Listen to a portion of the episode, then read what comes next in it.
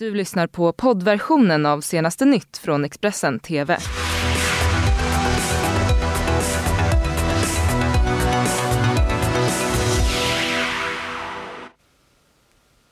Välkomna ännu en ny dag får vi säga. Det är faktiskt fredagen, fredag den 13 september och eh, det här är senaste nytt med mig Johanna Gräns. Mm, och med mig Ylva Johansson och det här det är morgonens rubriker.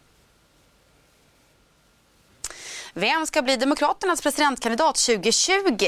Ja, I natt så möttes de slutgiltiga kandidaterna i en debatt.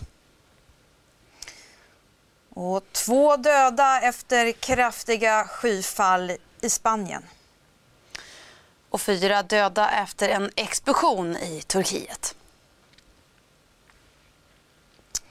Ja, men vi ska börja då med eh, USA för eh, nu återstår tio kandidater i kampen om vem eh, som ska bli Demokraternas presidentkandidat i det amerikanska valet 2020. Och I natt så möttes de under Demokraternas tredje omgång av debatter som kommer att fortgå under hela hösten och våren. All the top candidates. On a crowded stage in Houston at the third presidential debate of the season, the Democratic White House hopefuls hoping for a headline moment. I remember President Trump scoffed and said he'd like to see me making a deal with Xi Jinping. I'd like to see him making a deal with Xi Jinping. He is treating our farmers and our workers like poker chips in one of his bankrupt casinos. The 10 highest polling candidates faced off in reliably Republican territory Thursday night. Uh, Once again, all eyes were on Joe Biden as his rivals took shots at the former vice president, hoping to chip away at his lead. Hey, Joe. Instead of saying no, we can't, let's say yes, we can. You said they would have to would buy in. Have to buy in if she qualifies. Uh, are, are you forgetting what you said two minutes ago? Senators Elizabeth Warren and Bernie Sanders angling to win over the progressive vote. What this is about is making sure that we have the most efficient way possible to pay for health care for everyone in this country. Medicare for all will save the average American substantial sums of money. With the first primary contest less than five months away, time is running out to catch the frontrunners. Hell yes, we're going to take your AR 15, your AK 47. We have systemic racism that is eroding our nation. My father grew up on a peanut farm in Asia with no floor, and now his son is running for president. As for Biden, his pitch was similar to the last two debates. He believes he is best positioned to take on President Trump. We're the best equipped nation in the world to take this on. It's no longer time to postpone. We should get moving. There's enormous, enormous opportunities once we get rid of Donald Trump. I'm Steve Nannis reporting. Mm, och ett av ämnena som debatterades under den här debatten det var sjukvården. Och där hade Barack Obamas tidigare vicepresident Joe Biden en tydlig åsikt, nämligen att ta tillbaka Obamacare. I know that the senator says she's for Bernie. Well, I'm for Barack. I think the Obamacare worked. My plan for health care costs a lot of money. It costs $740 billion. It doesn't cost $30 trillion. 3.4 trillion a year it turns out is twice what the entire federal budget is that's before it exists now without interest on the debt how are we going to pay for it I want to hear tonight how that's happened. So thus far, my distinguished friend, the senator on my left, does not has not indicated how she pays for it, and the senator has in fact come forward and said how he's going to pay for it, but it gets him about halfway there. Mm, och den här sammandrabbningen då som hölls natten till idag i Houston, Texas. Eh, eh, det, eh, det, var ju eh, de kandidaterna som ligger bäst i opinionsundersökningarna, eh, eller jag ska säga de som ligger bäst i opinionsundersökningarna av dessa som debatterade här under natten. Det, var ju, det är ju Joe, eh, eh Joe Biden, Bernie Sanders och Elizabeth Warren. Och eh, vår USA-expert Frida Stranne hon eh, ska nu förklara varför det är just eh, de som är så populära bland den amerikanska befolkningen. Både de två och Bernie Sanders är välkända för den amerikanska eh, publiken, för de amerikanska väljarna, demokraterna. Eh, de är profilerade, de har funnits med länge. Sanders hade en väldigt stark kampanj 2016 som gjorde att han fick en väldigt stor grupp människor som engagerade sig i politiken som inte hade gjort det tidigare. Joe Biden är en, en välkänd politisk figur sedan flera decennier tillbaka. Det är klart att de har ett, eh, ett försprång gentemot kandidater som inte tidigare har haft den frontpositionen på den politiska scenen i USA. Men de andra eh, som är med i detta nu, som ändå ligger runt 5, 6, 7, 8 procent, de har möjlighet att utmana om de gör riktigt bra och starka debatter här framåt. Mm, vi ska ta och stanna utrikes, men vi ska till Spanien. Ja, eh, det är nämligen så att eh, Spanien har drabbats av översvämningar, skyfall, kraftiga vindar och hagel, stora som golfbollar eh, de senaste dagarna. Och hittills hittills har minst två personer bekräftat döda. På vissa platser i sydöstra Spanien så har man drabbats av de värsta regnen som någonsin uppmätts i landet och stormar som orsakat stor förödelse. Översvämningar, skyfall och kraftiga vindar har härjat på flera håll i Spanien de senaste dagarna. Och under fredagen väntas ovädret förvärras. Enligt den spanska vädertjänsten AEMET får man räkna med skyfall med upp till 90 mm regn per timme i Murcia, Alicante och Almeria. I större delar av den sydöstra kusten är det på kartan markerat med rött, vilket betyder att det är en extrem risk i de områdena. Ehm, ja, vi har ju bott här nere i 24 år så jag har varit med om det här tre eller fyra gånger tidigare men det här är nog det, det värsta jag har varit med om.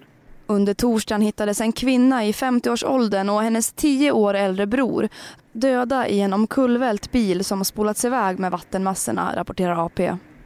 Räddningstjänsten i Valencia säger också att tre personer har fått dragits upp ur en flod och i samband med den räddningsinsatsen så skadades fyra poliser. Både SAS och Norwegian meddelade under torsdagskvällen att deras flyg mellan Sverige och Spanien förväntas gå som vanligt under fredagen.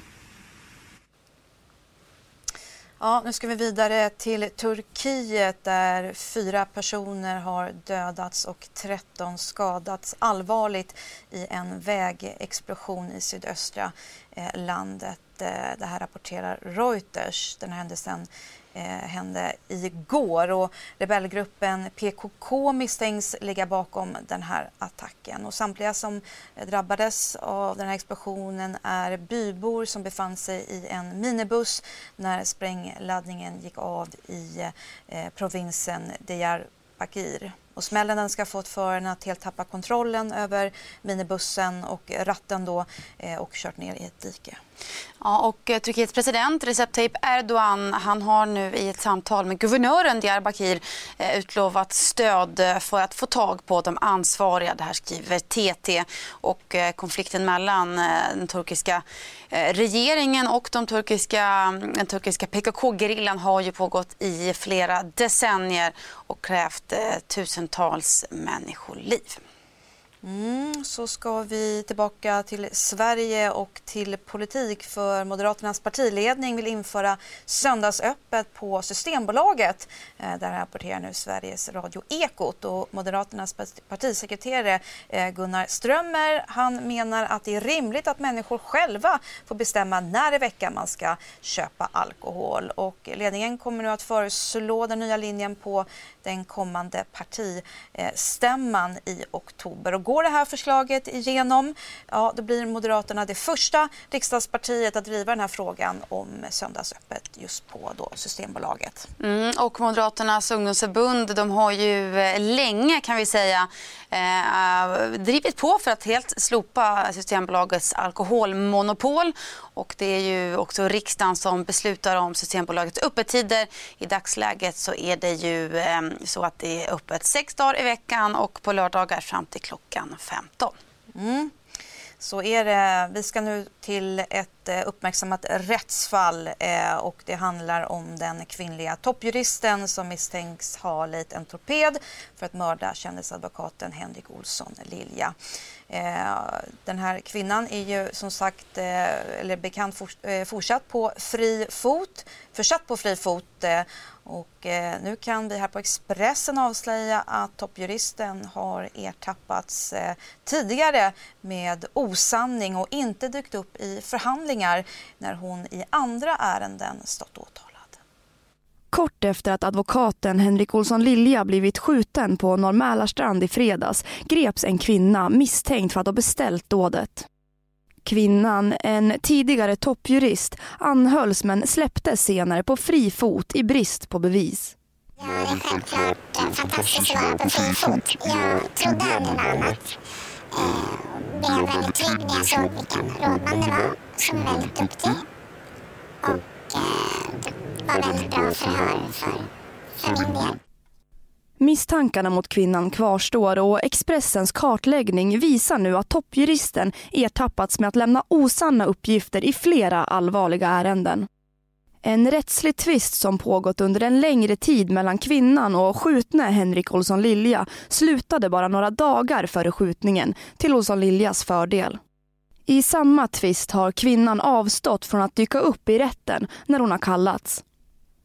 Hon sa sig vara tvungen att besöka djursjukhus med en svårt sjuk hund istället. Ett påstående som tillrättavisats av tingsrätten. Rätten skriver, citat. Utifrån de besvär hunden enligt intyget uppvisat kan inte situationen ha varit så akut att det därutöver har varit befogat för toppjuristen att uppsöka djursjukhuset under tid som sammanfaller med sammanträdet. Slutcitat. Och vid ett annat tillfälle ringde kvinnan 112 och viskade att hon blivit slagen. Larmet orsakade en fullskalig utryckning med ambulans och flera polispatruller.